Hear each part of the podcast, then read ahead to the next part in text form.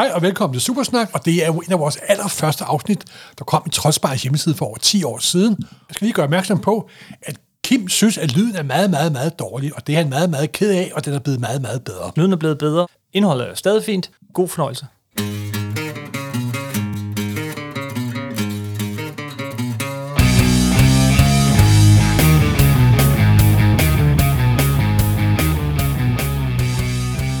Hej og velkommen til uh, endnu et afsnit af den her serie om dansk superhelte tegneserie historie. Og den sidste? Den sidste, der kommer til at handle om tegneserien i hvert fald. Ja, om den danske superhelte i hvert fald.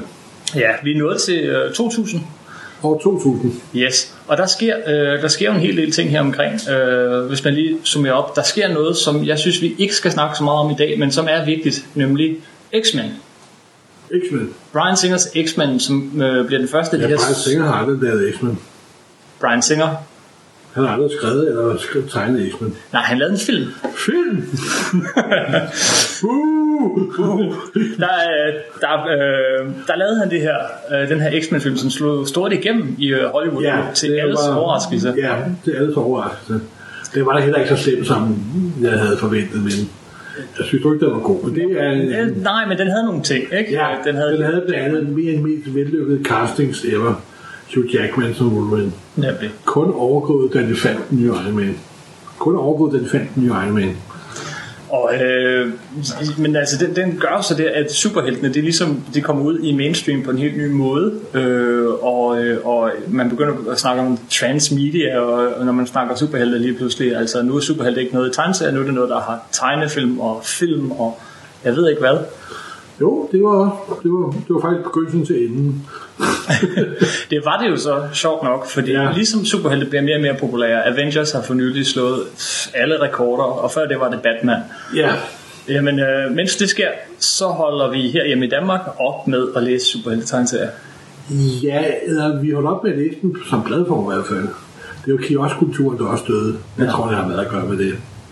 Men det er altså noget af det, det skal handle om i dag, og så tager vi filmene, og så snakker vi om dem en for en, alle de vigtige i hvert fald, øh, i næste podcast. Ja, Øh, det er bare godt det bliver jo verdens at korteste podcast, vil jeg sige. Men det, Men det er godt at have med baghovedet, fordi det får alligevel en vis betydning for tegneserierne også. ja, det gør det. Øh, især en af dem, vi skal snakke om i dag, øh, i hvert fald på overfladen, nemlig øh, Morrisons X-Men. Morrisons X-Men. Der er er nok det sidste gode X-Men, der er lavet, synes jeg. Det skal være lidt grove. Nå, hvad med øh, Josh Whedons X-Men? Det er der før, ikke? Nej, den er Nå, okay. Nu er Whedon jo gud, så okay. Det er fordi, jeg aldrig opfattet Josh Whedons X-Men som en del af mainstream X-Men. Nej, det, den er også nærmest Den, den er sådan lidt til sin side. Det er jo nærmest en, en slags retroaktiv X-Men. Den er jo sådan meget tilbage til 80'erne og hans egen X-Men. Ved du hvad, jeg tror, vi skal starte øh, et Ja, ja, undskyld, nu bliver det lige lidt forvirret. Og så øh, når vi til alt det der, vi skal snakke øh, om rigtig mange tegneserier i dag, men ja. Vi skal også snakke om, at øh, du bliver træt af at lave tegneserier. Og jeg bliver træt af at oversætte tegneserier og redigere dem. Jeg bliver slet ikke træt af at læse dem. Tværtimod. men det er godt, nej. Det, det bliver måske helt sjovt igen. Ja, det gjorde det faktisk, det må jeg jo sige. Men øh, sidste gang, der snakkede vi om 90'erne. Ja. Og det var, øh, blev vi enige om nogle rimelig dårlige tegneserier, mange af dem. Når man kigger tilbage på dem, så tænker man, hold da kæft, hvordan kunne vi dog læse det lort dengang? Altså nu får vi være rigtig grov. Der var selvfølgelig også nogle ganske ud- ud- udmærkede ting, men Men her omkring øh, 2000, så er det ligesom om, især Marvel i hvert fald, rører tilbage på sporet. ja, der kommer nogle nye forfattere, især nye forfattere på. Og en ny chefredaktør. Ja, kan du øh, give os lige hele baggrunden, og måske også lige lidt om, om det, der sker med Marvel som virksomhed, de, øh, de, går, øh, de krakker? Nej, det er jo ikke krakker. De går over det, der hedder sådan noget, der ligner betalingsdancing. Jeg er ikke inde i de fuldstændige øh, termer, der er. Og der var en masse, de var, i, op i 90'erne var de jo øh, var objekt for en masse spek- spekulation. Der er en af de værste øh, spekulanter i USA ejede på et tidspunkt Marvel.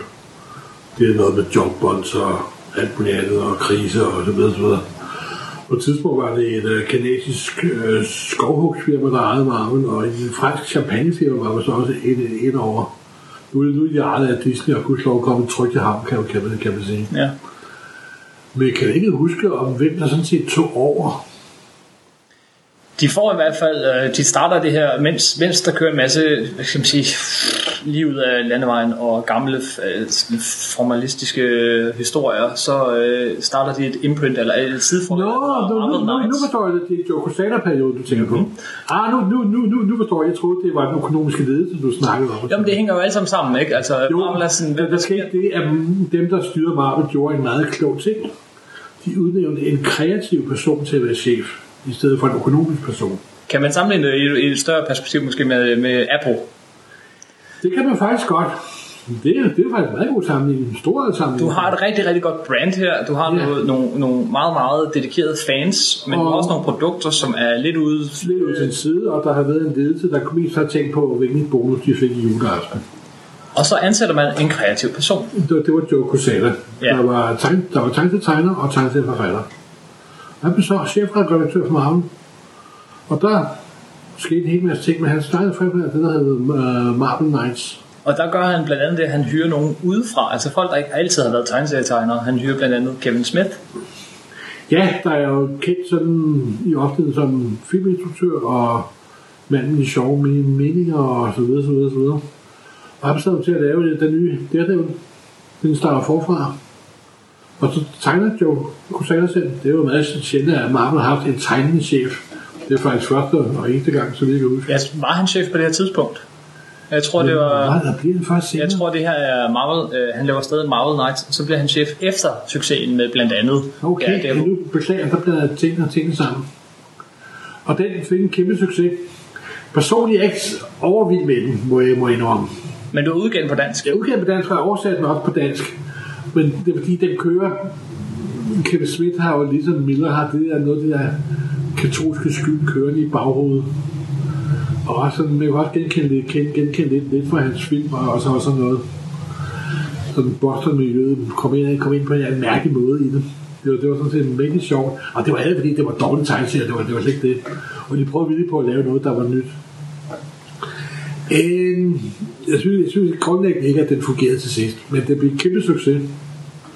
Og sådan set sparket nyt liv i data efter, at Miller havde været der, så havde været der havde prøvet at efterligne Miller med større eller eller mindre held. Men så kom det der Marvel, det der Marvel Night, så der kom sådan en ny, en ny energi over Marvel. Og så blev Joe Crusader så også en gik op i chef. Ja, og så øh, til at følge efter Kevin Smith, så sætter han en, øh, en fyr på ved navn øh, Brian Michael Bendis til at fortsætte der, der hvor det kommer er ikke så meget. der David Mack, der er på nogle gange, eller ikke? Det er seks numre deromkring. Ja, som jeg ikke prøver at med om. Øh, men, men, øh, men Så kommer Bendis. så kommer Bendis, og, og, øh, og Bendis foreslår at starte noget andet. Noget, der kommer på dansk. Det gør hans Daredevil desværre ikke. Det er nok en af de bedste serier, der ikke har været på dansk fra de store superhelteforlag. Ja, det må man sige. Det må man sige. Han starter, han starter Avengers, og han starter... Nej, det var før, før han startede hende der. Det er først senere. Det, det, det, det er Alias, han starter, ja. Jo, som heller ikke kommer på dansk. Men han Nej. starter en meget vigtig serie, og, og, og, og noget, som folk i starten var meget sure over. Nemlig en reboot, en helt forfra måde at starte Spider-Man. Ultimate Univers. Nå, det var det, du tænkte på. Ej, beklager. Ja, Ultimate Spider-Man. Hvad er det? Ja, det er jo fordi, at mm, Marvels ledelse har jo, kan jo se ligesom alle andre, at det er sgu lidt svært for nye læsere at komme til at komme ind i historien, fordi du kommer ind, og så er der 40 års kro- kronologi, der hænger fast i historien. Så de beslutter at lave et, ikke et reboot, men sådan en ny måde at præsentere de kendte helte på. Og deres mest kendte held er og bliver Spider-Man. Så lavede de en ny, en ny ungdommelig udgave af Spider-Man, han var teenager, en virkelig teenager, ikke sådan en lidt 25 på vej til de 30, som Peter Parker havde været i mange år. Og Aunt May er, er, har været med til Woodstock, så hun er sådan en øh, sådan lidt udbrændt 68'er. Det er Ole Ben også, han er sådan en hestehale og så videre, så videre. Og så sad jeg så Bendis til at skrive den, og en mand, der hedder Mark Bradley til at tegne den. Som der havde haft stor succes med at tegne Spider-Man øh, i på forvejen. Som er en stil, jeg holder meget af, men som nogen ikke bryder sig så meget om. Det er ham, der blandt andet tegnede uh, Splattermaler byen rød. Ja, det er ham Og han jeg synes, han var virkelig god tegner. Men når han, øh, undskyld, men når han kom sammen med Bendis på Ultimate Spider-Man, så var det et, et heldigt sammen, sammentræf, må man sige. Jeg brød mig ikke om den serie, da den kom, fordi jeg var, nej, nej, nej, Marvel har haft en lang historie siden Fantastic Four nummer 1. Det hele har været en lang Jo, det er jo og nu, Marvel, Marvel 616. ja, ja, Det var en ny jord, det her. Det har faktisk nummer 1610. Men jeg kan- blive en lille smule nørdet. Ja, ja, ja, en lille bitte smule. Øh, jeg gad heller ikke at se Spider-Man tegnefilmene og alt det der. Jeg havde, der var Marvel, og det var en rigtig kronologi, så nu startede det forfra, og jeg troede jo, hvilket andre gjorde også, at den her Ultimate Spider-Man, den gik jo hen og blev en kæmpe succes. Jeg tænkte, på et eller andet tidspunkt, så øh, gør de det til den rigtige Det var der mange rygter om. Der var sådan, der var sådan mange gamle nervøse fans. Åh, nu kommer det nye og tager over, og det gamle forsvinder, og det, alt det gode bliver ødelagt, og så videre, og så videre. Men Marvel lovede, at de aldrig ville lave et op mellem de to. Og det holdt der også mange år, det, det løste. Ja, jeg hopper, men øh, under øh, han bliver den helt store øh, forfatter, især i USA. På dansk Ja. har vi så Ultimate Spider-Man, som også bliver forholdsvis populær i Danmark. Ja, der, der kører... Øh, 16 numre eller deromkring. ja, den kørte først i nogle Mega Marvel, og så fik den sin egen serie. Ja. Og jeg oversatte det op til nummer... Ultimate nummer 50 stykker. Det lyder meget rigtigt. Ja. Den kommer med sådan nogle tykke hæfter her. Og altså, Bendis stil er jo ganske vidunderlig, fordi han bruger ikke særlig mange firkanter på at forklare, at her ser du æderkoppen hoppe ned fra toppen, og her bakker Spider-Man den, røde, den røde gnom og så videre, og så videre. Han næsten kun dialogbord det hele. Ja. Det giver en vidunderlig rutsjebane fornemmelse, når man så kan læse ham. Og også hurtigt oversætte, der er bestemt heller ikke er. De hurtigt læste sammenligning. Vi snakkede i lang tid om uh, Amazing Fantasy nummer 15, det første nummer med Spider-Man. Som der er på øh, 11 sider, eller 10 sider. Præcis. Og den historie, den tager 6 numre at fortælle. Nej, det tager 13 numre. Tager den 13 numre? 13 numre. Altså, de 13 første numre Ultimate Spider-Man er ganske vidunderlige, og det ender med, at i nummer 13, der er det Peter Parker og Mary Jane, der sidder på hans værelse og snakker. Det er det eneste nummer, det handler om. Mm. Og det er en værdig afslutning på de første 13 numre. Det er virkelig godt, simpelthen. Men det er også en måde, der viser, hvordan tegneserierne har ændret sig dengang. Øh, fortælleteknikken og fortællehastigheden har virkelig sagt kraftigt forandret. En historie, der vil tage uh, Stan Lee eller senere Chris Claremont uh, et nummer at fortælle, den, den kan sagtens tage et halvt eller et helt år. Øh, især når det er Bendis. Bendis er mester i at trække ting, ting ud. Ja, og alligevel Nærmest det ikke kedeligt. ulidelige simpelthen. Så derfor skal man aldrig læse et bindesblad ad gangen. skal gemme halve og hele år. Det er en stak bindis er meget bedre end et enkelt blad. Ja, det er rigtigt, men det er stadig godt, og det er godt på den der måde, som, som tv-serier øh, også begynder på den måde. Man trækker fortællingen ud i langdrag, men det er aldrig kedeligt. Nej, men altså, det er jo, de burde bruge det her udtryk, den såkaldte story arc.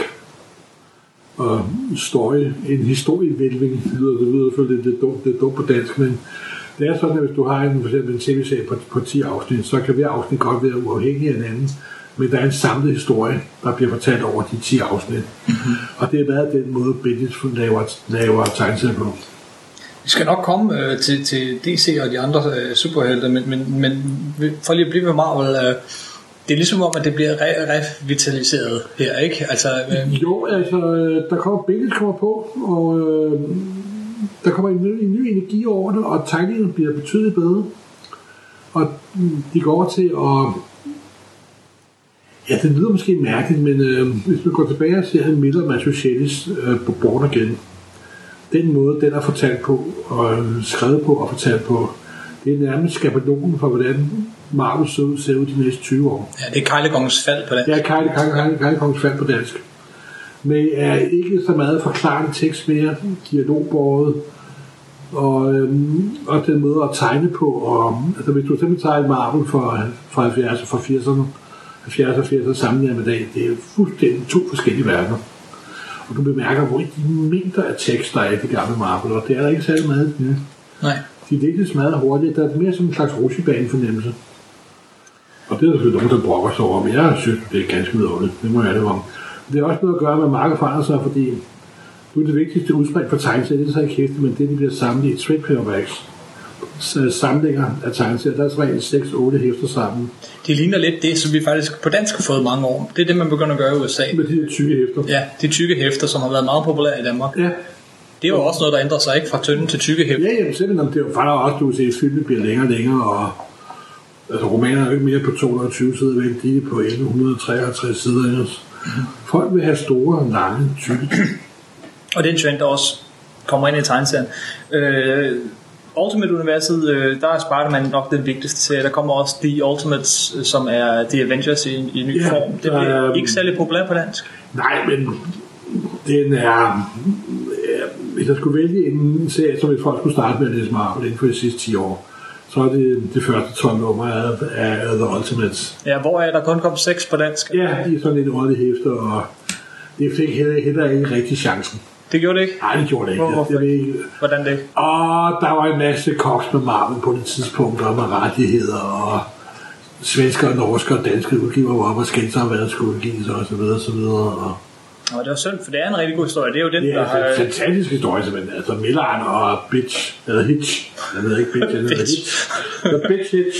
Ja. Hitch, det er, det er noget, det er den optimale superhelte-tegneserie, især for for voksne, fordi Mhm. den er rigtig grov og morsom og underholdende. Og Og igen, den kommer også omkring 2000, og det, det er jo sådan set den, man har lavet til den store Avengers-film. Ja, det, altså den nye Avengers-film, det er både det gamle Marvel, men der er bestemt også den nye, den nye Ultimates, eller Avengers, kendt- kendetegnet af Captain America var, var meget anderledes, og det er det ikke i filmen. Der er det faktisk den gamle klassiske Cap- Captain America. Så de har taget hit sidste her. Men den nye Captain America i Ultimates, han var jo ekstremt underholdende, men han var, skal vi sige, han var lidt mere sådan øh, hands-on, hvis man kan sige det. Han var enormt grov og uforskammet over for alle, og super effektiv. Super effektiv. Der er en klassisk scene, som de genfortæller i Ultimate. En klassisk scene mellem uh, Ant-Man og, og hvad hedder hun... Uh, hans, hans kone, hvor i, i, i, i for mange år siden, så øh, giver han sin kone en losing. I uh, The Ultimate versionen, jamen, der er han endnu mere grov og sender nogle myrer ind, der, der begynder at bide. Ja, men det er uha. Og, og det er forfærdeligt. Men, Han har jo Pim er et rigtig røvhul i det nye Ja. Ultimates, faktisk. Og i Ultimate, han, han kan han så også blive til, han kan både blive lille og stor, Ja, ja, han, kan så, ja. han bliver så, øh, hvad, de der 3 meter høj eller sådan noget, og så, så kommer Captain America og giver ham så mange tæsk. Ja, simpelthen. Og Casamega i den nye Midland-udgave er virkelig ultra sej. Det er og det påvirker lidt den Casamega, der var i det gamle Marvel-værd. For da Burbeck begyndte at lave sin ganske fremragende Captain America, der kunne man godt mærke, at der var lidt afsmitning for den der Millard Captain America. Captain America øh, kom jo ikke på dansk. Der kom uh, Civil War, den når vi til, og, og igen, Ja. ja. der kan man også se det.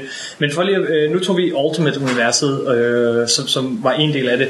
Og, men, men de gode forfattere, de gode tegnere, som du siger, de kom over på de andre serier. Og Spider-Man var en af dem, som godt nok i nogle år kæmpede lidt.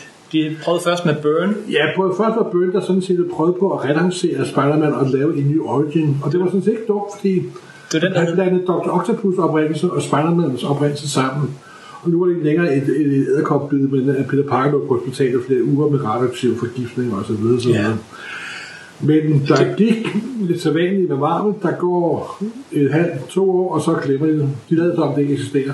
Og Men på det- dansk, så kom den et stort tykt hæfte, der hed Æder, øh, Æder Spider-Man år 1, fordi det er også der, hvor vi skifter ja, fra, øh, fra danske til engelske ja, navne. den sørgelige dag, hvor vi gik fra æderkoppen til Spider-Man. Alle heltene. knæfaldet for internettet, som vi kalder det.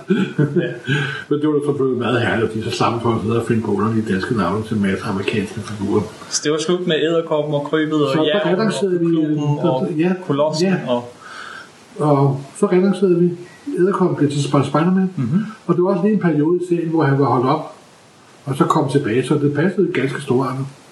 Men I mistede nogle læser på det tidspunkt. Ja. Men og hvorvidt det var, det ved jeg ikke. Det må jeg. Altså, det er også fordi, at i gamle dage, det vil sige for 20-30 år siden, så lå der en kiosk på et gadehjørne i hele landet. Og det, det, det, det gør der ikke mere. Jeg tror ikke, at den der kioskkultur, der er væk. Okay. Der er en del af årsagen til, at Superhelix sælger i Danmark. Og så også det, at de er populære andre steder på bagsiden af din morgenmad, og din computerspil, og på tv og i biografen. Men tegneserien, det, den forsvandt ligesom ud af den Ja, danske de er integreret for deres oprindelsesland, og oprindelseslandet for forsvandt. Det er Øh, men, men øh, det amerikanske Spider-Man, som bliver oversat til dansk, og er det mest populære og, og øh, blad, øh, tegneserieblad, og det er det, der holder længst. Det selv der som sagt, det sidst. var sådan lidt svingende kva- kvalitet for det pænt. Ja, men så kom der en... Der kom Øh, der en ny forfatter på, det gjorde der. der hed Straczynski. JMS. JMS Straczynski, og han var tidligere, eller er stadigvæk en, en stor tv-forfatter og filmforfatter. Hvis nogen kender den øh, science fiction serie, der hedder Babylon's Fire, så er det ham, der er hovedmanden bagved og har skrevet det fleste afsnit. Og hvis man ikke har set den, vil jeg varmt af den, varmt anbefale den. Det kan Men han overtog Spider-Man, og han har gjort en sjov ting. Han, det blev ikke annonceret nogen steder, det stod ikke på forsiden. Men han, han rebootet Spider-Man stille og roligt. Det første nummer, der handler om, at han svinger rundt, ser, hvad han kan af kræfter, hvad han kan på at springe, og men får lidt af baggrundshistorien. Og så møder han Tante May til sidst. Og det var sådan set bare første nummer, stille og roligt. Så kunne han nummer for nummer og bygge en helt ny Spider-Man op, men nærmest en helt ny baggrund og en helt ny mytologi for, hvorfra hans, hans kræfter stammer, og bliver sådan en del af en større, øh, nærmest en dyremystisk øh, sekt og bevægelser og totembevægelser og så videre, videre, videre.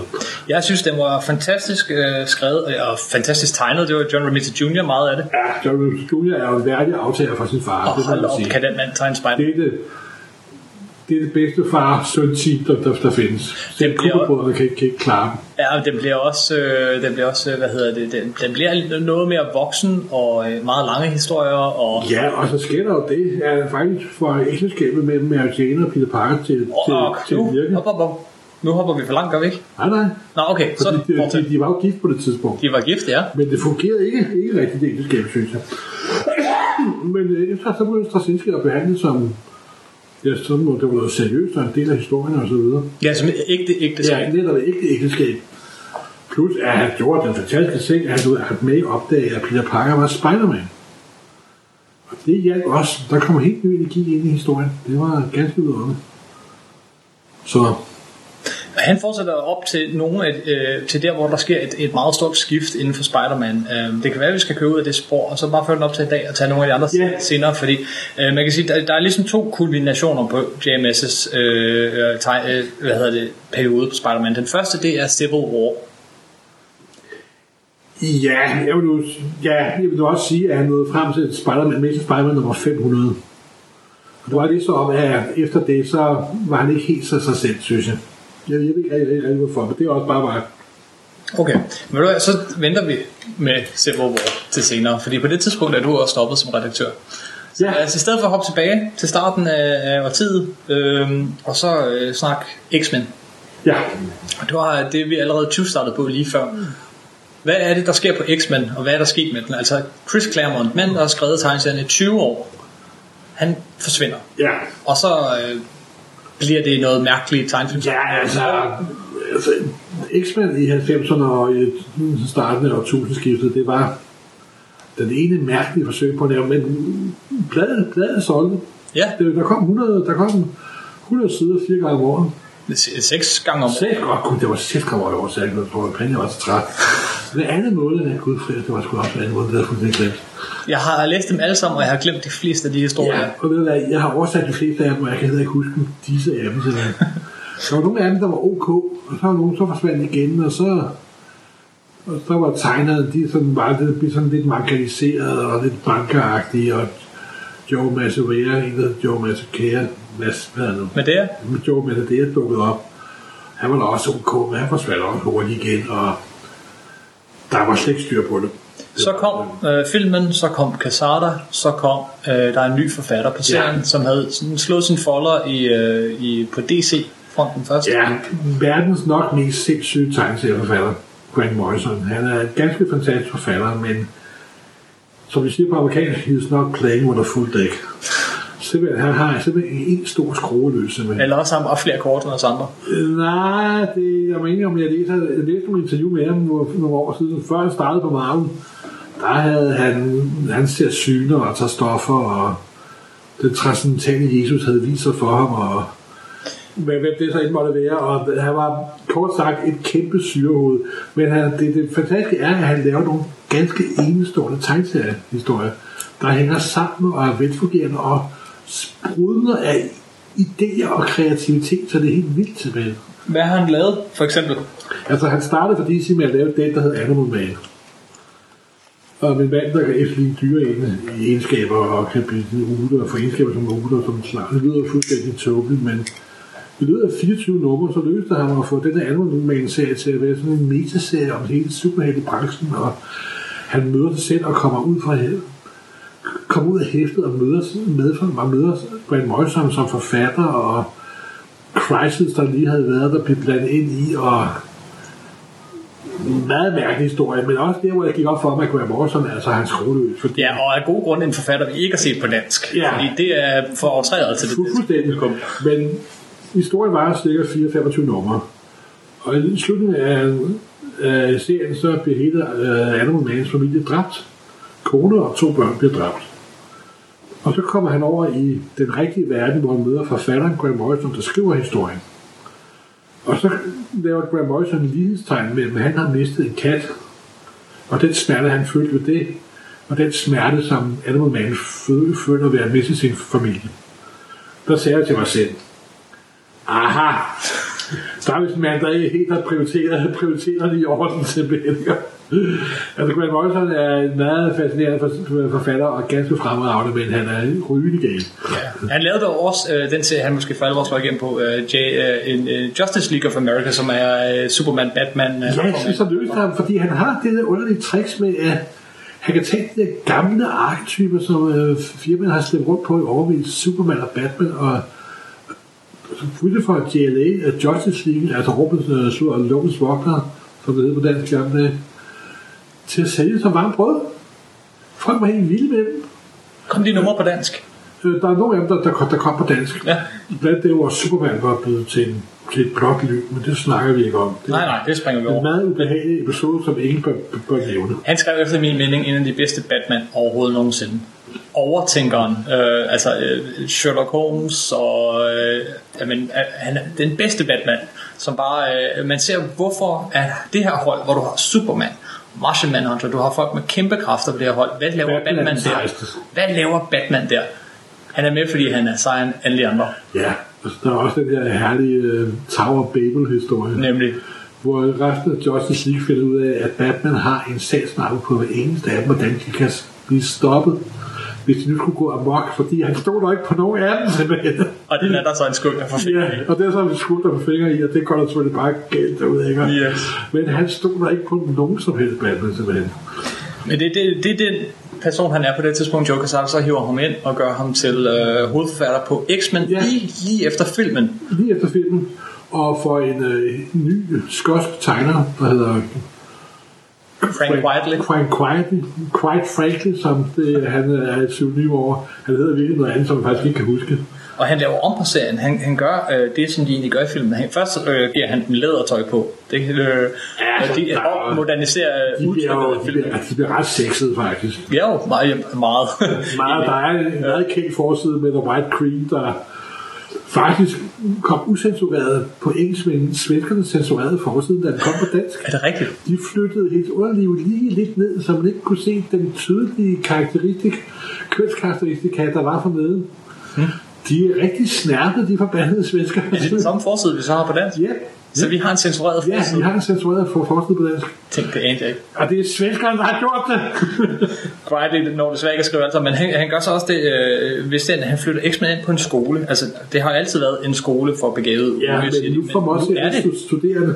Ja. Alle de, de studenter, der er der, og de er ganske vidunderlige. Der er blandt andet Nowhere Girl, som der ikke er der, men er der øh, alligevel.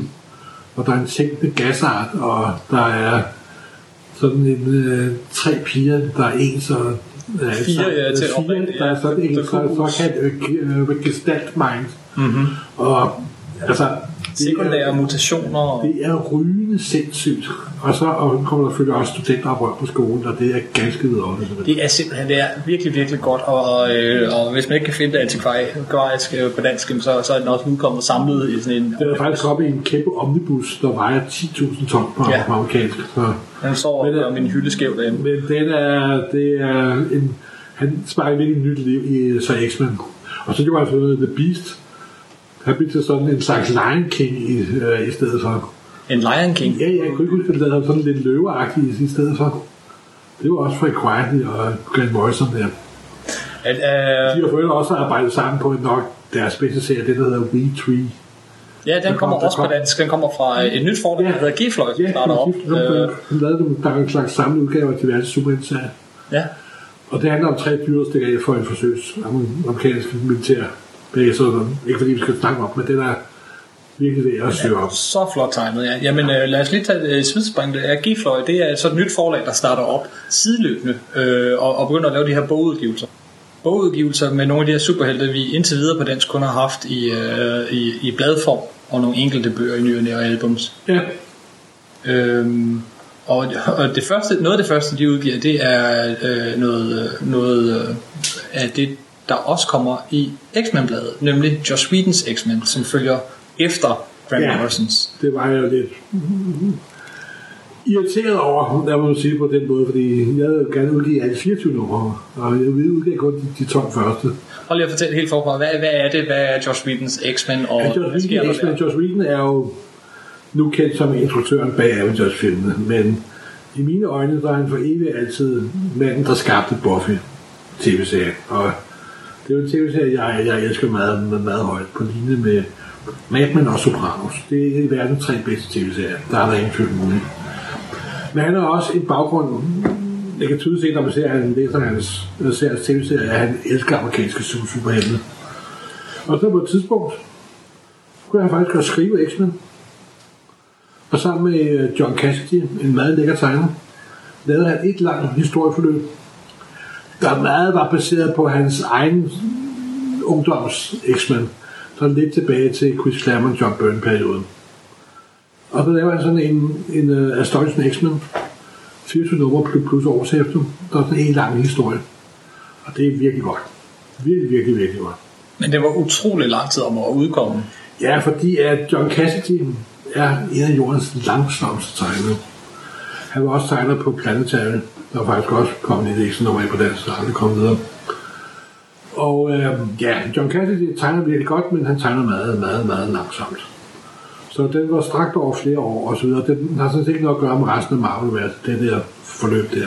Men da den så kommer på dansk, der, der får man jo så også begyndt for tidligt, fordi man tænker, at den bliver færdig i løbet af 24 måneder. Men øh, med stor stor hej, kan jeg huske, i din sluderboks i starten af bladet, lancerer vi så på dansk øh, Astonishing X-Men af Josh Whedon. Øh, Jeg og har der, fuldstændig glemt. kommer- sagde vi det. yes, yes, yes. Nej, Og så øh, øh, det kommer, beklager jeg. kommer de, Undskyld. jeg tror tre numre, og lige så, så, begynder, så, så fylder de ikke hele hæftet mere, så er der Ja, sådan nogle backup. det var Josh skyld, det var ikke min. Og, øh, og, og der er så cirka halvdelen af den der serie udkommet. Så får I ikke lov at udgive resten. Nej, fordi så har øh, G-Floyd fået rettighederne. Der var måske det også det tidspunkt, at i gamle dage, når man fik rettigheder på Marvel, så havde man rettigheder over alt Marvel. Da, da Henning og mig for ja, 1984-83 startede hele Marmorklubben op, der kunne vi rave vælge blandt hele, alle Marmors udgivelser og selv sætte hæfter sammen, som vi ville. Og, men siden da er der kommet nye boller på suppen, og nu slicer de rettighederne op nærmest som hæfte for hæfte og nærmest side for side.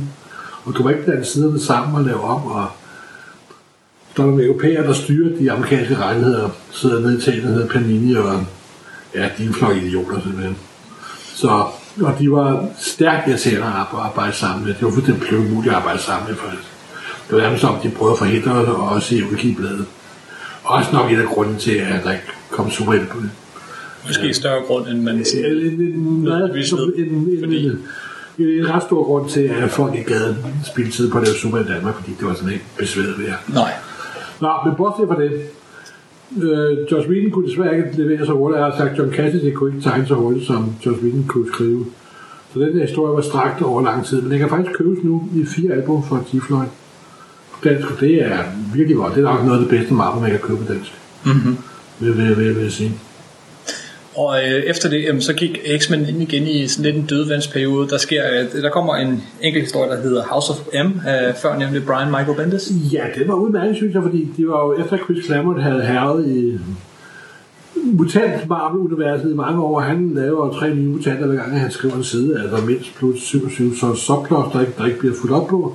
Men mindst tre mutanter i hver, i hver nyt nummer. Det er jo så er en helt, en helt nation fyldt med mutanter, og Ja. til sidst der var den her lille, stærk satiriske udsatte gruppe, som kun ganske få mennesker kendte til, med noget som en løs slag på tasken med 10 og 15 millioner mennesker, så så kunne de selvfølgelig også at rydde op i den, og der blev nogle lande, der blev udslettet, men det var ikke nok.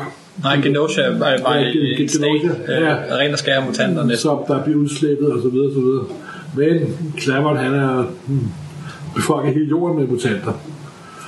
Så de lavede den her øh, serie, der hedder House of M, der startede med øh, Scarlet Witch, der har de her virkelighedsforandrede.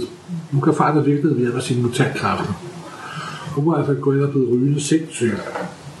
på grund af, at hun troede, hun havde født to børn, og der havde hun slet ikke af, af vel, og hendes androide elsker Vision var blevet demonteret, og der var sket masser. der var sket masser masse ubehagelige hele ting så hun vendte totally nuts. Og hun bliver simpelthen så nuts, når hun skaber en ny parallelverden, en ny alternativ verden, altså, hvor det er mutanterne, der har overherredømmet. House of M. M står selvfølgelig for Magneto. Hun er jo datter af Magneto. Og så kører Marvel jo i sådan et, ligesom Ace of Apocalypse før. der kører i det meste af Marvel-universet en, uh, var det en 4-5 måneder? 6-6 måneder? Ja, det, det er omkring Ja. øh, et nyt nummer om måneden. Ja, og så, og så, ja faktisk.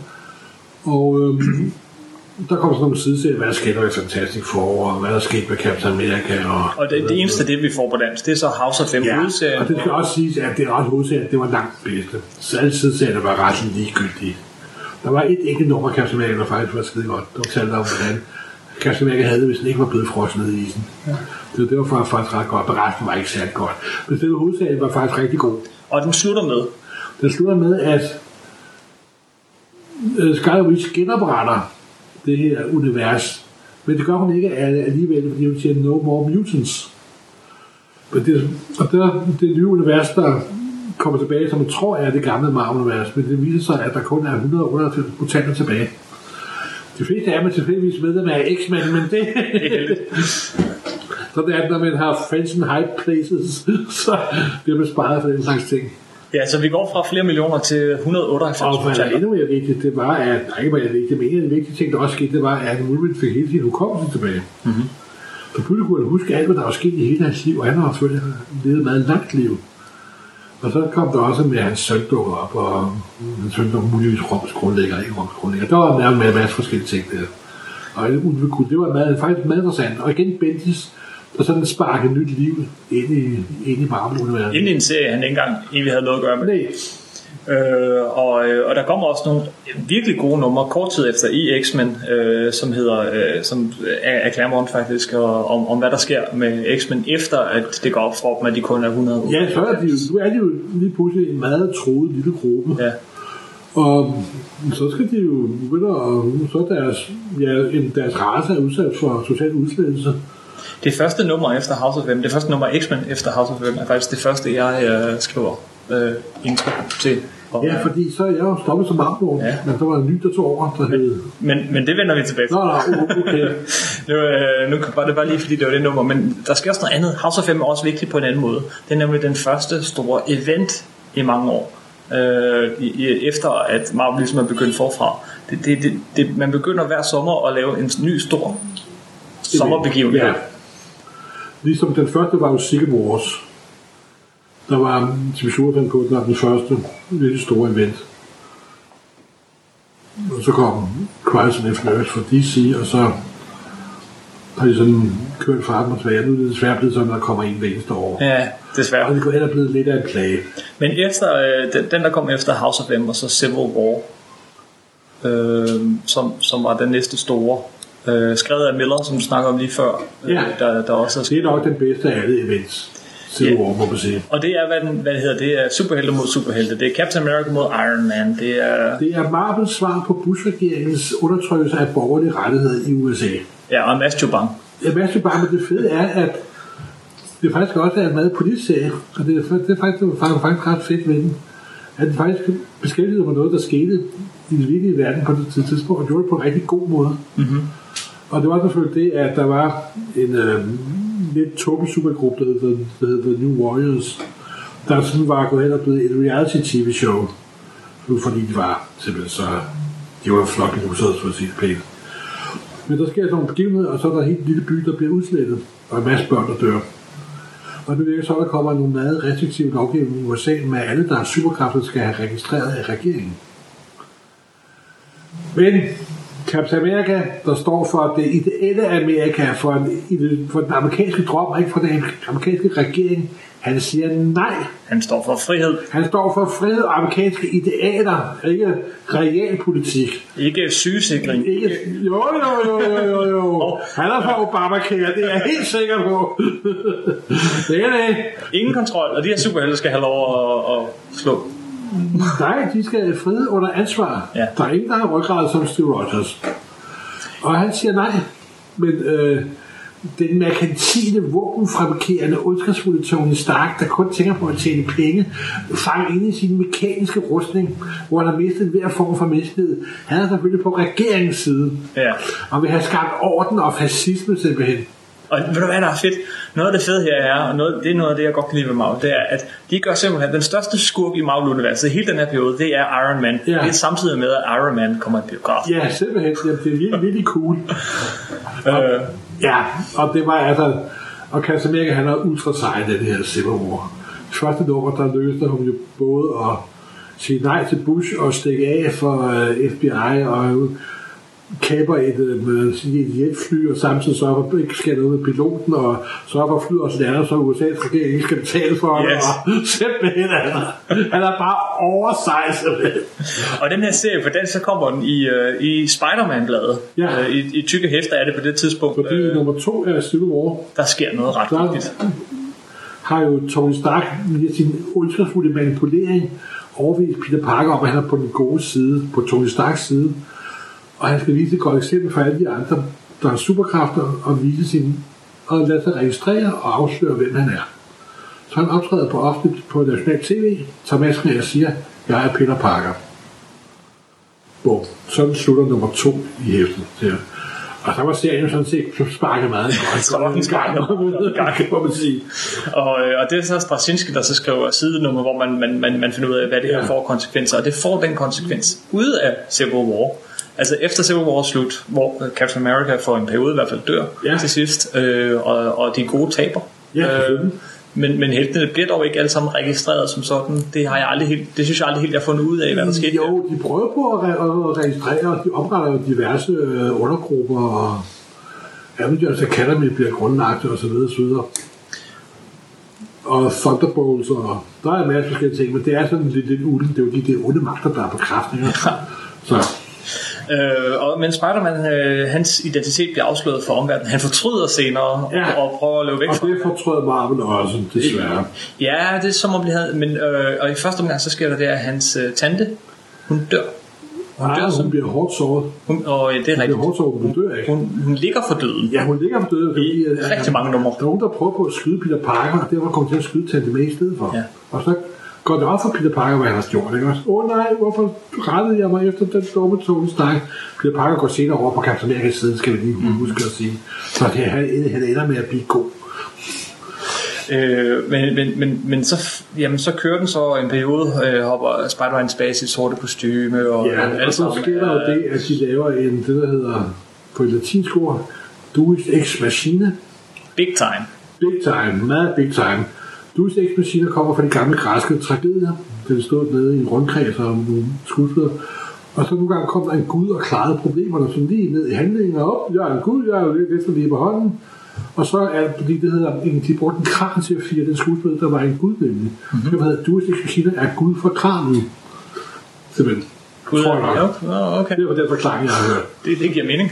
Ja, simpelthen en form for mening. Altså, en, du er i gang med en lang indviklet historie, og pludselig dukker der en rig onkel op fra Amerika, der har en masse penge, og alle ender lykkelige og Ja. glade. og i Og det det, det sidste nummer af John Michael Straczynski, hvad er det, der sker der? Ja, der dukker Mestofeles op, øh, Marvel-universet Satan, og siger til Peter Parker, at du skal bare opgive din perfekte kærlighed ægteskab med Mary Jane, og svigte hende totalt, så vil din tante leve igen. Ja, sådan formulerer han det ikke. Men sådan læser det, det, er ja, sådan læser jeg det, ja. Og Peter Parker, der er kendetegnet ved at have ryggrad næsten lige så stor som Steve Rogers, han siger ja. Og der var jeg jo ved at få et fodbold på tværs. Det var jeg jo om, fordi det gik mod alt, hvad Peter Parker stod for. Men det summer så meget var, at så ham og Mary Jane fandt, og så viskede Mary Jane noget i øret på Peter Parker, og Det er ikke det vigtige. Det vigtige er jo sådan set, at, og så at løfter den vi stod for det med hånden. Og punktum, flip finale, en ny dag, kryder den næste dag, hvor ingen ved, hvad hvad Peter Parker er Spider-Man, og der er lavet lidt om på det hele, og ja, ja. ved magi. Jeg synes, det var... Normalt plejer ikke at reagere som en fanboy, når jeg læser min amerikanske superhelte-tegneserie. Men det gjorde jeg kraftigt her. Jeg følte mig virkelig simpelthen godt gammeldags snydt, simpelthen. Buttfuck, som det hedder. Det var der mange, der gjorde, og der var også mange, der faldt fra. Det gode, der kom ud af det her, det var, at uh, Spider-Man med Straczynski, og du siger om ham, det var rigtig godt uh, indviklet, dystert, men efter, uh, og Æderkoppen var jo uh, fanget uh, her med, at uh, alle vidste, hvem han var, og alt var noget lort. Magi. Øh, rigtig dårlig løsning, virkelig dårlig løsning, men det gode, der kom ud af det, var nogle rigtig gode historier. Ja. Spider-Man blev dum igen. Det var ligesom at læse gode, gamle, glade, jokende Spider-Man. ja, nej, jeg... Han havde, ikke, han Ja. havde ikke nogen kone, han, havde, han kunne blive forelsket alle mulige. Der var en trier, der var sæbeopera, der var alle de elementer, som havde manglet i. Spider-Man. Hold nu op. Nej, Det var ligesom om, at Spider-Man-historien, uanset, det var lidt ligesom om, at de havde, de havde kørt sig ind i det det er jo hjørne. derfor, de har lavet Ultimate Spider-Man, som har Præcis. fået begge dele. Det. Ja, Ja, det kan du mene. Øh, og det kan du har også have noget fra idioterne og noget fra ikke-idioterne. Tak skal du have. at Ultimate Spider-Man er fremragende serie, men det er, jeg må indrømme, jeg har, jeg kan faktisk den dag, dag ikke rigtig har, jeg har faktisk ikke det Spider-Man siden. Nej, Jeg har læst nogle af de hovednummerne, når John Robinson Junior tegner, fordi han er simpelthen så vidunderlig tegner, så de gjorde det. I USA, der gjorde de det. De, de, de øh, kaldte det for Brand New Day, og de f- begyndte at udgive Spider-Man hver eneste uge. Ja. Nej, tre gange om måneden, og det vil sige, at de, øh, der kom kun et Spider-Man, der kom normalt 3-4 Spider-Man om måneden. Ja, nu kommer er det samme til, at Amazing Spider-Man kom en gang om ugen. Ja, så det var ligesom om at, at få et Anders blad i USA. Simpelthen, Altså, øh, simpelthen. ja, du, du fik et nyt uh, Spider-Man-nummer, en fortsat den historie her tiden. nye dag, der var opstået sådan som et lille mikrounivers i resten af Marvel-universet, uden nogen forklaring for øvrigt. Ja, men i Danmark var folk heller ikke begejstret for det her. Er du galt? Der var læsestormer, der var brok, og der var uhær, og hvad er det for Ja, noget? Og der var ja. mange, der ikke gav det en chance, ligesom dig. Jeg gav det en chance, ja. du læste ikke de første, der var efter. øh, men det blev et, et sjovere blad. Jeg har da købt dem det mindste. det blev et, et blad, som var mere for, for folk, der var lidt yngre måske. Øh, og måske også derfor var det ikke så godt øh, for det danske marked, fordi at læserne var blevet ældre. Det kan også være en af forklaringer på, at det lukkede. Øh, så så der, går, der går ikke så mange år efter alt det her, øh, indtil at, at, at Spider-Man-bladet på dansk, det lukker som det sidste superhelteblad. Men så vidt jeg husker, så havde du også lidt problemer med den finske grønne redaktør, der puttede alt i, som du ikke rigtig kunne skære fra og sådan noget. Så øh, jeg synes, at du prøvede på at gøre det bedre. Der var mange historier, som ikke var så gode. Når nu er lige pludselig begyndt at komme et æderkoppen nummer hver uge, stort set. Fordi Ja. også de uger, hvor der ikke Så kom, kunne du noget ud, øh, så, så blev man nødt til at, jamen, så, så gav det ikke mening at proppe alt i det danske nummer. Man kunne lige så godt sige, okay, vi har en luksusserie, vi kan tage de gode historier og komme i det danske blad, og lade det dårlige ligge, men, men, men vi skulle være enige med de andre lande, som også Ja. udgav æderkoppen, Og, Spider-Man. og, og de ville partout have, at skulle i. Ja, det var faktisk øh, endnu værre i X-Men, som, som øh, lukkede før. Øh, rigtig søde, dygtige mennesker, der, øh, som, som, som også sad og lavede de her udgivelser, men, men, men ikke så glade for at skære, som ellers er en god dansk tradition, Det, man som skal reagere. etableret. Det er det, det hedder. Og man kan strømligne. Det er det fede ved at være over to bagud de amerikanske. Så kan du, Så kan du- alt fedtet fra. Yes, og der kommer jo selvfølgelig en masse skidt, øh, og så er der noget kanel. Ja, men hvis man ikke er stand til at se forskel på skildkanel, som ham, finden og svenskerne der, hvad det er, hedder, så er det noget møg. I X-Men især, der kom jo rigtig meget, og vi skulle have fyldt 100 sider hver anden måned, øh, og der kom hele tiden de her store, store events, alle Civil War og sådan noget, kæmpe store, øh, hvor at der var 1000 nye mutanter, man aldrig havde set før. Øh, der, var der, der gav det god mening på dansk at så sige, nu, øh, nu laver vi vores egen kronologi. Vi, vi, vi, øh, vi skal alt det derfra, som vi ikke behøver at have, og så koncentrerer vi os om øh, Wolverine og Cyclops og Jean Grey, hvis hun lever på det tidspunkt, og alle hovedpersonerne. Vi koncentrerer os om dem, og vi koncentrerer os om de gode forfattere og de gode tegnere.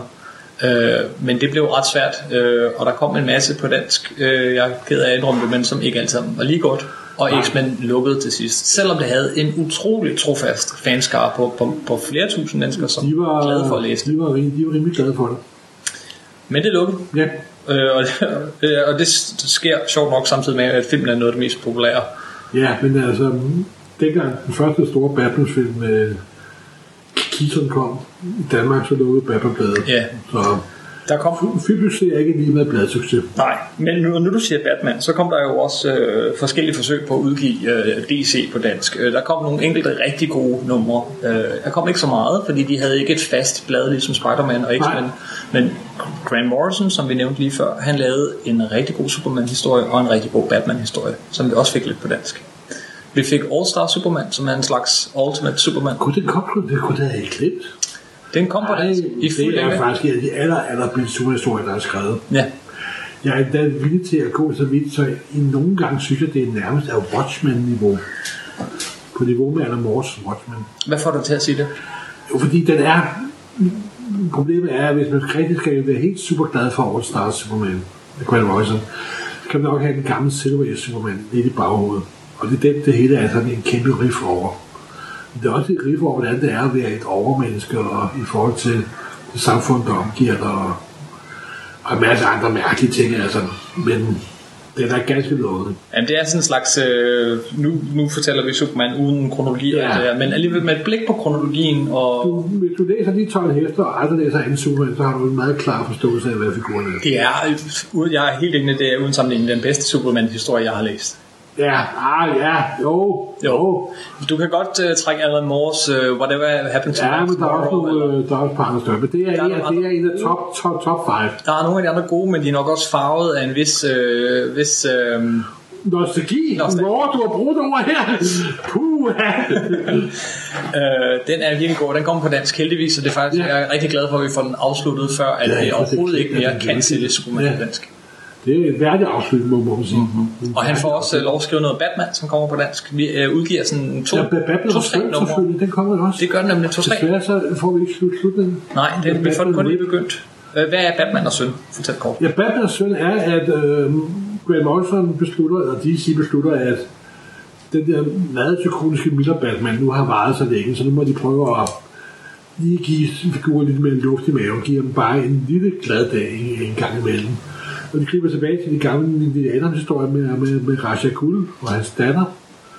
Og det sker hverken værre eller bedre, end at Batman kommer hjem for en hård aften i byen. Der har været en Tobi Ruder, der har prøvet at slå ham ihjel. Det er ikke noget, det er klart hver aften. Og så møder Tanya, der er Raja Ghuls datter, op med en lille overraskelse af Batman. A little bundle of joy. Din nye søn. Der er en mest modbydelig lille rod på denne jord, altså sådan 14-15 år, og er ganske modbydelig. Hans mor har trænet ham alle mulige gin, der er sværkamp og snigmåler osv. osv. Det gør man åbenbart i den der familie. Men det ender hverken værre bedre, end så skal Batman tage over og passe på sin nye søn. Og det får også en mægtig morskab ud af. Det er man kan. Og en er selvfølgelig også med at blive Robin. Ja, ja.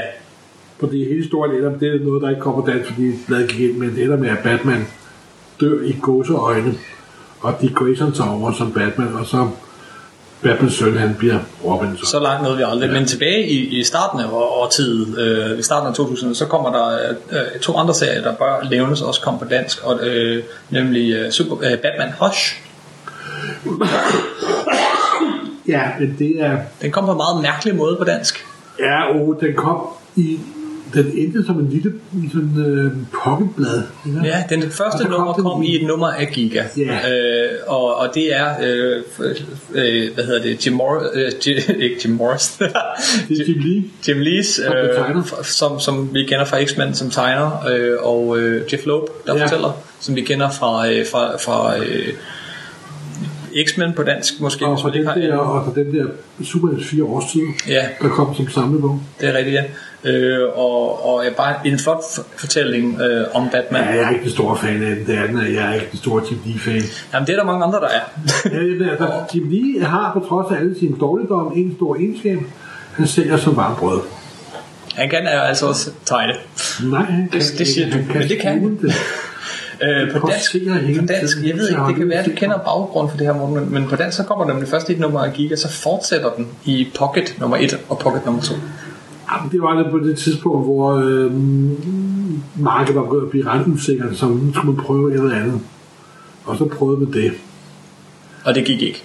Overhovedet ikke, simpelthen. Og det var også virkelig for den tåbelige måde, at give det på. Men der, der var uro på markedet, og så kom der uro i, øh, i så udgivelserne. Så det, Så var det. Ja. Og, øh, men der starter et kort, øh, en meget kort overgang op, øh, et Superman-Batman-blad, øh, hvor vi har øh, Batman og Superman-historier. Øh, og der kommer også For Tomorrow, som også er Jim Lee, og egentlig ikke en særlig god Superman-historie. Nej, nej. Men meget kendt. Nej, ja. Det er så ellers skrevet, det er en rigtig dårlig historie for hende. det er det faktisk. Men så kommer der også... Øh, og det der Superman Batman blad er sådan en lidt en gammeldags måde at lave tegneserier på, nemlig med, med tre, fire forskellige, øh, eller to til fire forskellige historier i et blad. Jo, men det var, det var sådan et forsøg på at sætte sig med alle mulige mærkelige stole og få lidt de gamle fans tilbage og få fat på de nye. Og... Men altså, jeg tror, det var sådan det sidste skud for septiktanken, simpelthen. Ja. Altså, det sidste suk, inden lu- alle lukkede og slukkede. Og nu er det jo det at være to år siden det sidste blad kom. Tre år siden. Det er det nok. Det er et stykke tid siden, at superheltene døde på dansk. Øh, det er og, øh, og det så har er nogle, nogle enkelte udgivelser fra, fra G-fløj, eller ting, man skal ned til imellem, ja. Ja, for at finde. Og på det her tidspunkt, hvor der kommer de her skuld, du snakker om, så kommer der også nogle bøger. Øh, Ja, så en masse optryksbøger. Mm-hmm. Vi får blandt andet Kingdom Come. ja, som aldrig har været på dansk. Der var en fantastisk historie, simpelthen. Og Watchmen bliver genudgivet. Vi for Vendetta kommer på dansk. Og så det, men, altså, men det der flyttede Superman over hos boghandlerne som bog, men det, men det, men det lykkedes aldrig.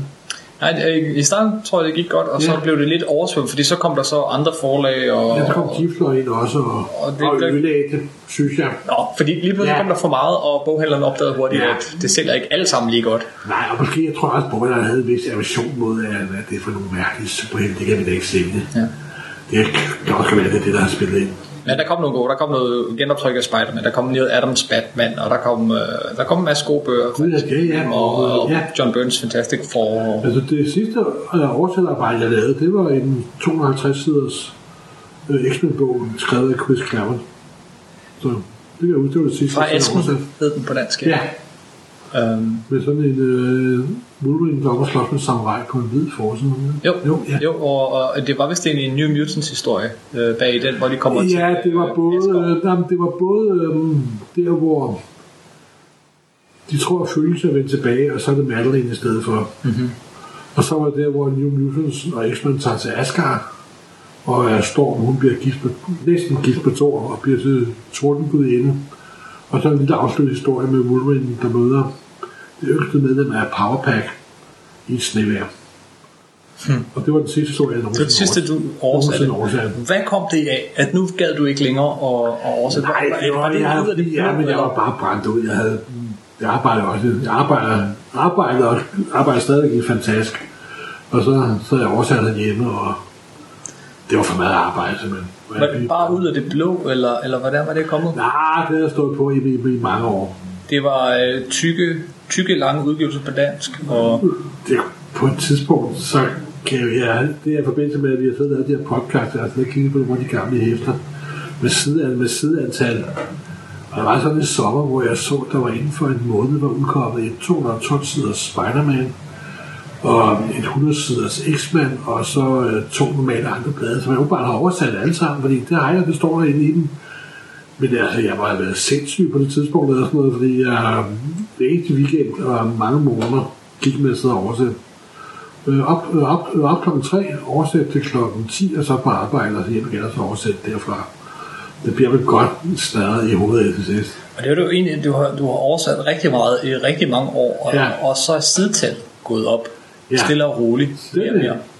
Så mængden Så, så i arbejde, stedet for det var 48 sider til efter, så var det 100 sider til efter.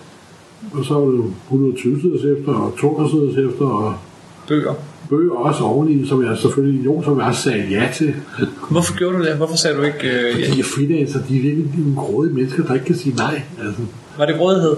grådighed, så der ske grådighed. Og så, men så prøvede jeg også, så stoppede jeg med det hele på en gang.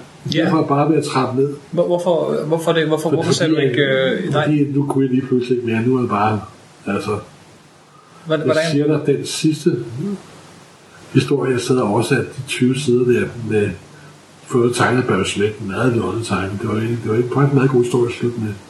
Det var simpelthen som at svømme i glasgård, simpelthen. Altså.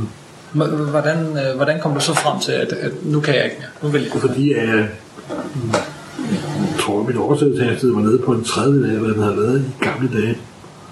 Og jeg udskød det hele, og i det sidste øje bare, det var forfærdeligt. Hvordan, øh, nu var det Michael, der var redaktør der, hvordan havde han det ved det? Altså, blev han også irriteret på, at tingene kom sent? Og... Ja, ja, men Michael har jo altid haft kørt med, at jeg ikke kan aflevere siden, hvad jeg selvfølgelig heller ikke kan, men jeg fik det altid afleveret i hvert fald.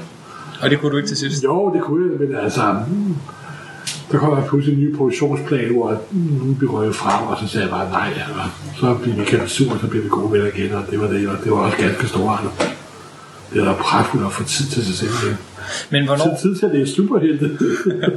i stedet for kun oversat, men hvornår, hvordan, altså, jeg er nysgerrig for, hvordan træffede du den her beslutning? Var det noget, du havde tænkt over længe, eller ja, ja, ja, det var det. Det var det. Hvor lang tid? Og så, det er noget, jeg har tænkt sikkert en to år i forvejen. at du, du skulle stoppe? Ja. Og så lige pludselig en dag, så sagde jeg, nej, nu stopper vi. Så siger jeg, jeg oversætter den er færdig, og så stopper jeg. Så sendte jeg en mail til Michael, og så fik jeg en svar tilbage, og så, så og så, og så var det bare det. Så oversatte jeg den færdig. Den der 260 sider til på. Jeg sluttede med bravur, må man sige. 260 sider Chris Claremont, det er kraftigt noget mad, kan jeg love dig. Manden kan ikke holde sin kæft. Og det, det er det modsatte af venligt. Så, så du sendte bare en mail, og, og nu er det slut. Hvad, Ja. hvad, hvad, hvad, hvad tænkte du så, når du havde sendt den mail? Det var fuldstændig uvirkeligt. Og jeg tænkte forbi. Nej, ikke. Og folk de var sådan helt, jamen det kan du da ikke, og kan du ikke lide det mere? Og så forklarer vi jo, at det var det, jeg var træt af at kunne gade. Nå, godt, det var faktisk, kunne jeg blive helt vild med Marvel bag, så jeg begyndte pludselig at læse Marvel igen i langt større mængder. Og det var lige omkring, da Civil War kom på amerikansk, og det Ja. var pissegodt simpelthen. Så der var simpelthen ikke noget i, noget i vej med det. Folk havde nok det svært ved at forstå, at jeg stoppede, fordi Jamen, du er jo Marvel, Morten. Ja. Du kunne jo, du kunne jo godt have fortsat som, som Marvel Morten. Jo, jeg fortsætter også lidt som en småredaktør, men så kom der andre folk til, så kom, så kom du til, og det gik jo... Nej, men du, du, du, du stoppede også. Altså, du, du, du, kunne, blev jo også tilbudt at at bare Hey, lave nej, nej, nej, men, jeg, nej, men jeg har altid haft det her, men når man stopper med noget, så skal man stoppe med det hele. Altså, det er ikke noget med at trække ud med 23 afskedskoncerter eller sådan noget. Når jeg stopper, så stopper jeg bang færdig. Clean cut. Og du, men, men du var simpelthen brændt ud på det. Fuldstændig. Jeg er faktisk brændt ud, da jeg kan tog flere år komme over på det. Men skal du huske, jeg for sent for en måned siden, så vågnede jeg op. Oh, Gud, jeg har glemt at aflevere. ja, det var også bare udbrænt brændthed, simpelthen. Altså. Det kører simpelthen stadig rundt. Det kører stadig rundt en lille smule. Sådan er det, og ja, 20 år med, med ekstraarbejde. Og også masser af dejlige penge, og jeg synes også, det var sjovt at og oversætte, det var slet ikke det, og jeg bliver også glad, at folk kommer ned og siger, jamen jeg læste det gang, jeg synes, det var skideskægt, og kunne godt lide dine oversættelser, og jeg kunne godt lide det blad, du lavede der. Og det var også enormt fedt at få at vide, altså. Men altså, når folk spørger mig, om jeg var oversætter, så siger jeg, nej! så, Ja. ja. Og så begyndte du at læse tegneserier igen. Ej, det havde jeg også gjort før, men øhm, så fik jeg ekstra kraft på. Det er svært ikke at, ja, når jeg sidder og læser, så tænker hmm, det her kunne også komme på dansk, når man sidder Nej, og nej det, det, det, havde jeg faktisk i starten, da jeg begyndte at sidde og oversætte. Der øh, kunne, jeg ikke læse, kunne, kunne, kunne jeg pludselig ikke læse Superheld, fordi jeg sad og oversatte dem hele tiden. Men så lykkedes det mig et tidspunkt at, at få brugt de to, to ting. Faktisk skulle det være sådan, at jeg kunne sidde og være enormt træt og oversætte. Og så jeg gik ind og læste to Superheld-serier. Gik tilbage igen og så oversætte videre. De to ting har intet med hinanden at gøre. Men du stoppede, øh, du stoppede så. Stoppede. Øh, kan du huske, hvad nummer du, øh, øh, der var din sidste? Nej, det var lige det nummer, hvor Peter Parkers hus var brændt ned. Kan jeg huske. San Mays hus var brændt ned. Kan det passe, at du stoppede på X-Men lidt før, og, og en anden oversætter kom på, Pau Mathiasen? Ja, det var i hvert fald... Og også var det bare schedule, der gjorde det. Det, det kan være. Det kan jeg faktisk ikke, ikke, ikke, ikke huske. Og så tog Per Vadman over på Spider-Man. Ja. Og så kontekstet med Stormand. Jeg var lidt stolt over, at da jeg stoppede, så var de her tre mennesker til at gøre samme arbejde. Ja, ja, ja, og Og det er ikke det, der over- oversatte. Jeg sad også og håndtekstet på maskintanken, jeg sad og oversatte. Det var faktisk en stor fordel. Mm-hmm. Men bagefter så var der Pau og Per Vadman og Master håndtekstet. ja, senere også mig. Så vi var Nå, ja. fire om at... Ja, simpelthen. Wow. Øhm, ja, Jamen, du stoppede, så, så var der nogle måneder, hvor at, øh, der var ingenting i bladene. Det var øh, blank, side 1. Der var ikke engang et resume, øh, og, og nogle gange, gode som de var, de var virkelig, altså Per Vadman er i hvert fald en virkelig dygtig oversætter.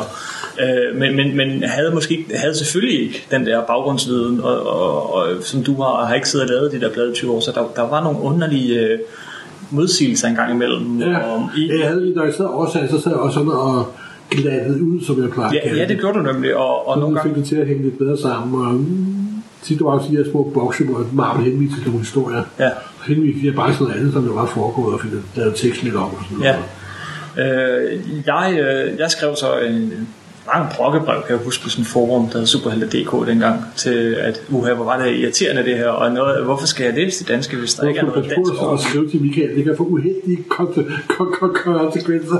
Ja, det var det, var det, det jeg, han skrev, det var, jamen, hvis du synes, det er så dårligt, så man prøve, øh, kan du selv gøre det? Og så, det vil jeg da gerne prøve. det var slet ikke faldet mig.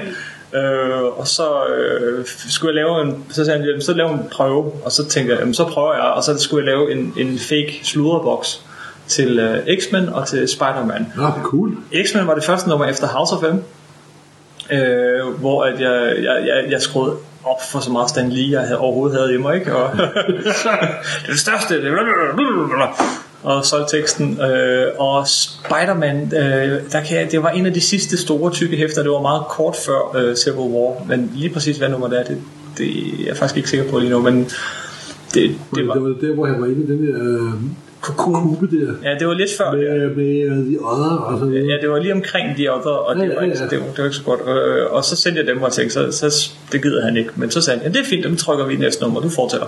Nå. Det var præcis samme måde, som Michael selv var blevet ansat. ja, men det er jo super. Men han var over for at interviewe Henning, og Henning havde brug for noget. Hey, du kan stå to ben, og du er i stand til at skrive. Du er ansat, man. Ja, men det var super. Og inden jeg fik set dem om, så øh, var jeg og læste også kultur og, øh, og planlagde, hvad der skulle være i de her hæfter, i stedet for bare at skrive slådeboksen og øh, Fedt. oversatte et par numre og det, det ene tog det andet. Øh, og så en dag, så øh, tror jeg, øh, så blev, jeg tror sådan set, jeg ved ikke helt, hvad der skete, for jeg blev fyret fra den ene dag til den anden. Nå, okay. Øh, men jeg er ret sikker på, at grunden er Panini, fordi at alt, hvad vi skrev af sludderbokser og tekster og så videre, det skulle oversættes til øh, engelsk. Vi skal oversætte tilbage. Ja. Man måtte ikke skrive noget som helst, som ikke blev oversat tilbage. Vi fik forbud mod at bruge øh, ordet mar- øh, super -ove. ja, det fandt jeg ud af, at det var forfærdeligt. Det måtte man simpelthen ikke kalde det. Og øh, jeg skrev en artikel øh, i anledning af, øh, af Marvels 75 års jubilæum, Hvor du kom til at nævne de andre. Nej, nej, det var ikke engang det. Nå, jeg nævnte, okay. at naboer øh, startede som skurk, og faktisk som terrorist, tror jeg, og så Ja. blev det hele skrottet på det.